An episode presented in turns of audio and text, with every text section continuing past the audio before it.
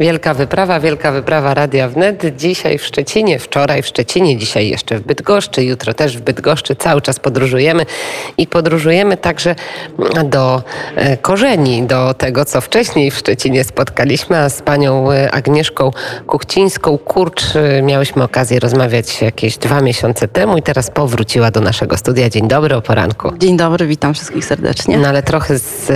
i, i trochę podobną, trochę inną opowieścią, bo wczoraj odbyło się spotkanie promocyjne pani książki 1918 Jedno plemię.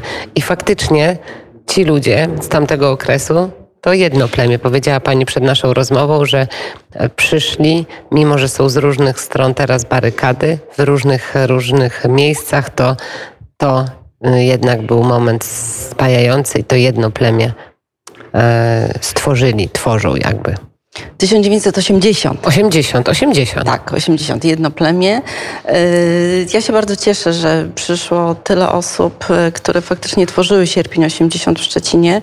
Y, bardzo istotnych osób i to byli ludzie, którzy byli w stoczni, ale też byli w różnych środowiskach inteligenckich. Byli na uczelni, to byli prawnicy, rolnicy. Był też Artur Balasz, jeden z założycieli Solidarności Rolników Indywidualnych.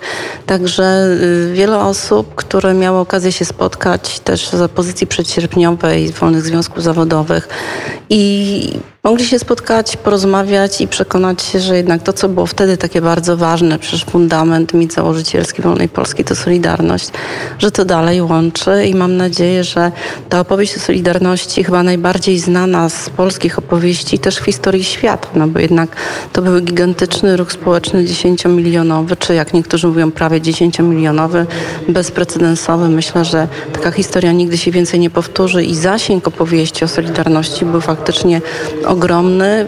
Wszyscy wtedy, cały świat był pod wrażeniem tego, co dzieje się w Polsce. Polacy też. I dla mnie to, co jest najważniejsze, to jak Solidarność została zapamiętana. Bo oczywiście nigdy nie było tak, że y, w tym wielkim ruchu nie było różnic zdań, różnic poglądów. To jest niemożliwe. No 10 milionów ludzi mówi jednym głosem jedynie y, w Korei Północnej, przypuszczam w tej chwili. Nigdzie więcej. Oczywiście myślą inaczej. Y, natomiast y, ludzie w takich ważnych momentach potrafili jednak wznieść się ponad to, co dzieliło i stworzyć to, co dało podstawę dla wolnej Polski. Powiedziała Pani o panu e, e, Arturu Balaszu. To jest osoba, która jest znana, ale także zapomniani ci bohaterowie. Którzy to byli ci zapomniani, a jednak bardzo istotni dla tego ruchu? No wczoraj akurat na spotkaniu pojawiły się, pojawiły się osoby, yy, którzy byli liderami wtedy, między innymi też dlatego, że z racji ograniczeń epidemiologicznych my mogliśmy pomieścić jedynie w tamtym pomieszczeniu około 20 osób. Yy, masa ludzi, yy, tych, o których nie piszą podręczniki historii, y, to są y, ludzie, którzy tworzyli środowiska y, jak Szczecińskiego Klubu Katolików, ale też Solidarność zakładali w służbie zdrowia, w sądownictwie, w bankowości, y, wśród bibliotekarzy, wśród nauczycieli. Y, te osoby y, pojawiają się, jak jest możliwość, żeby faktycznie spotkać się w większym gromie, w gronie, ale też, co jest istotne, jest mnóstwo osób bardzo skromnych, którzy nigdy nie nazywają siebie bohaterami, chociaż bez nich ci liderzy, na te, przykład te pierwsze szeregi nie mogłyby istnieć.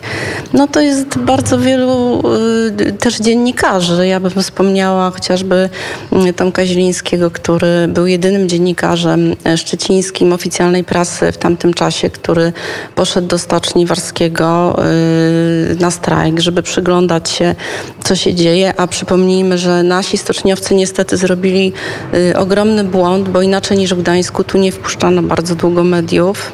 Podczas strajku odesłano wszystkich też dziennikarzy zachodnich, którzy na początku dziennikarze skandynawscy pojawili się w Szczecinie.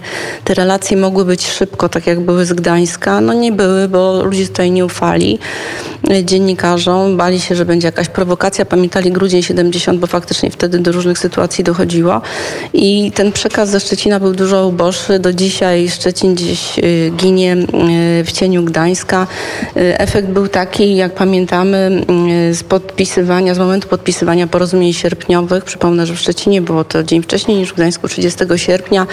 Tutaj akredytację dostało 41 y, a w Gdańsku ponad 200. Więc... A to warto, warto tutaj przypomnieć film pana Andrzeja Chodakowskiego, Robotnicy, który właśnie z kamerą do Gdańska przyjechał i dzięki niemu mamy te zapisy z 80 y, roku. To jest y, ważny bardzo okres, to jest okres, który tutaj jest na pewno istotny. Ci zapomnieni, mm, zapomniani bohaterowie są także ważną tą wizytówką i żeby o nich przypominać. Ale pani jest także, o czym powinnam powiedzieć na początku, kierownikiem mm, oddziału Centrum Dialogu Przełomy Muzeum Narodowego właśnie w Szczecinie i te przełomy tutaj u państwa E, czuć, widać, jak się przyjeżdża z innej strony Polski, to się je odkrywa mniej, bardziej. I mam takie pytanie odnośnie, e, pani też się tą, tą historią zajmuje, odnośnie e, ludzi związanych z podziemiem antykomunistycznym. Jak oni się tutaj odnajdywali i czy oni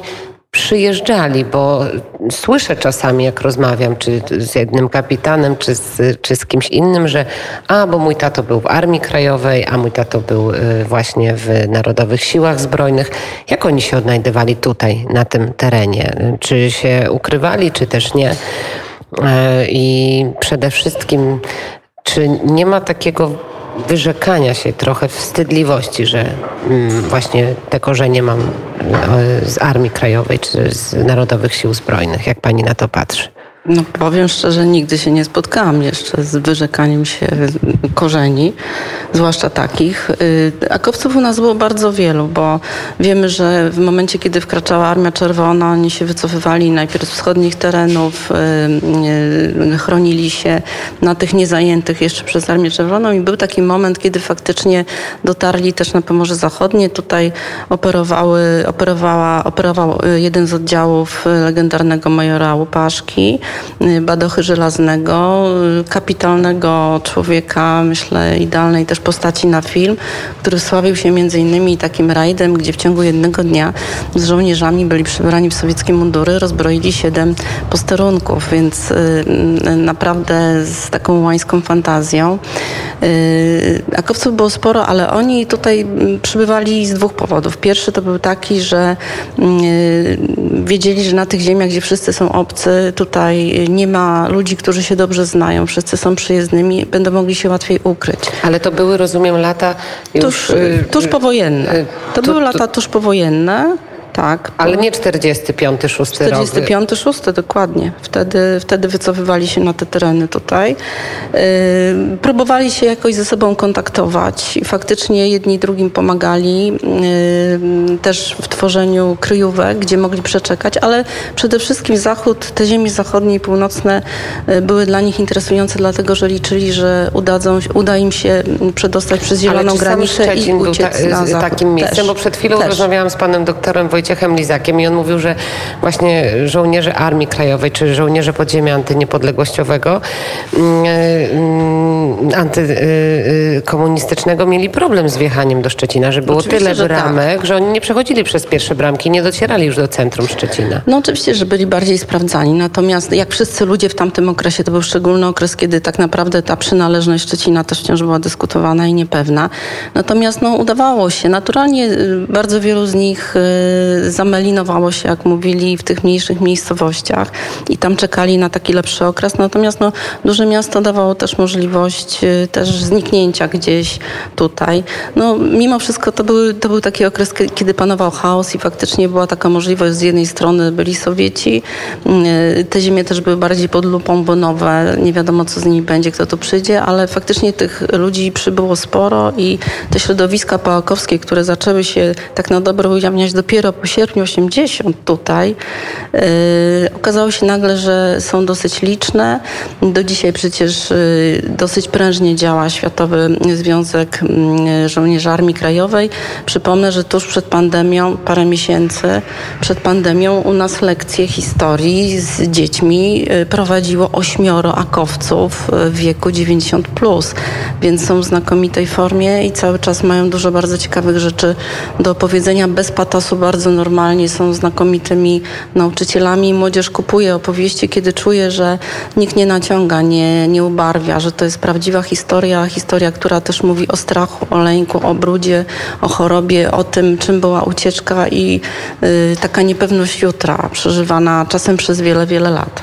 No to mamy trochę inne odczucia i trochę inne rozmowy, bo ja rozmawiałam ostatnio przez te dwa dni, jak jesteśmy tutaj i właśnie niektórzy z kapitanów, z którymi rozmawiałam, wyrzekali się wręcz y, korzeni A armii. to ciekawe, a kto na przykład? Armii Krajowej, powiem pani poza Dobrze. anteną, bo myślę, że, że to nie byłoby wskazane. No i zaprośmy Centrum Dialogu Przełomy, jak, jak Państwo teraz działają, na co Państwo zapraszają.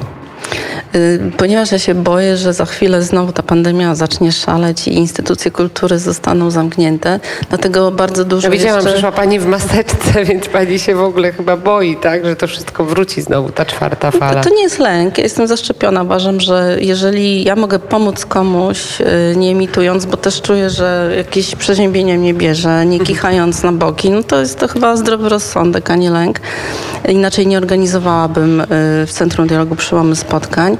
W najbliższy poniedziałek zapraszamy też na 17 na promocję znowu mojej książki. Po prostu to jest efekt pracy w czasie pandemii.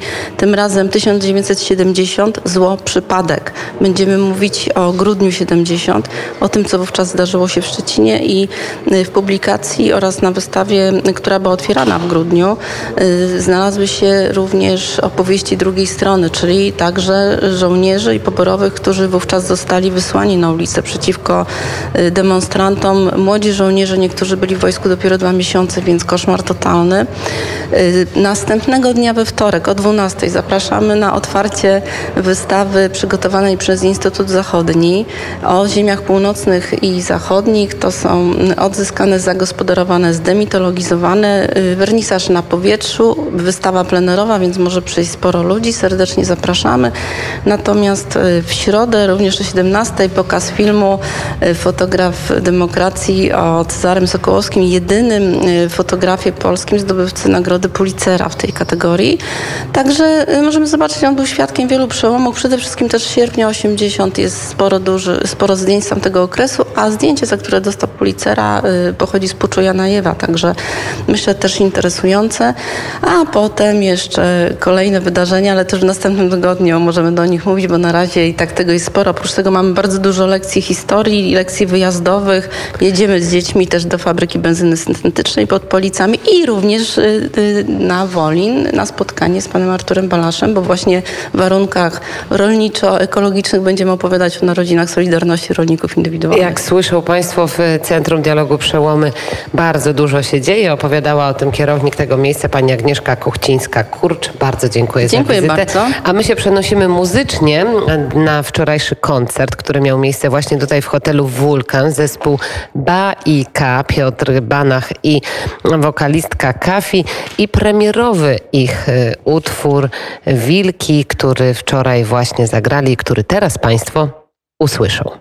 Teraz, drodzy Państwo, nasza piosenka, która jeszcze nigdzie nie została opublikowana, gdyż, jak już wspominaliśmy, jesteśmy leniwi i jej nie zarejestrowaliśmy.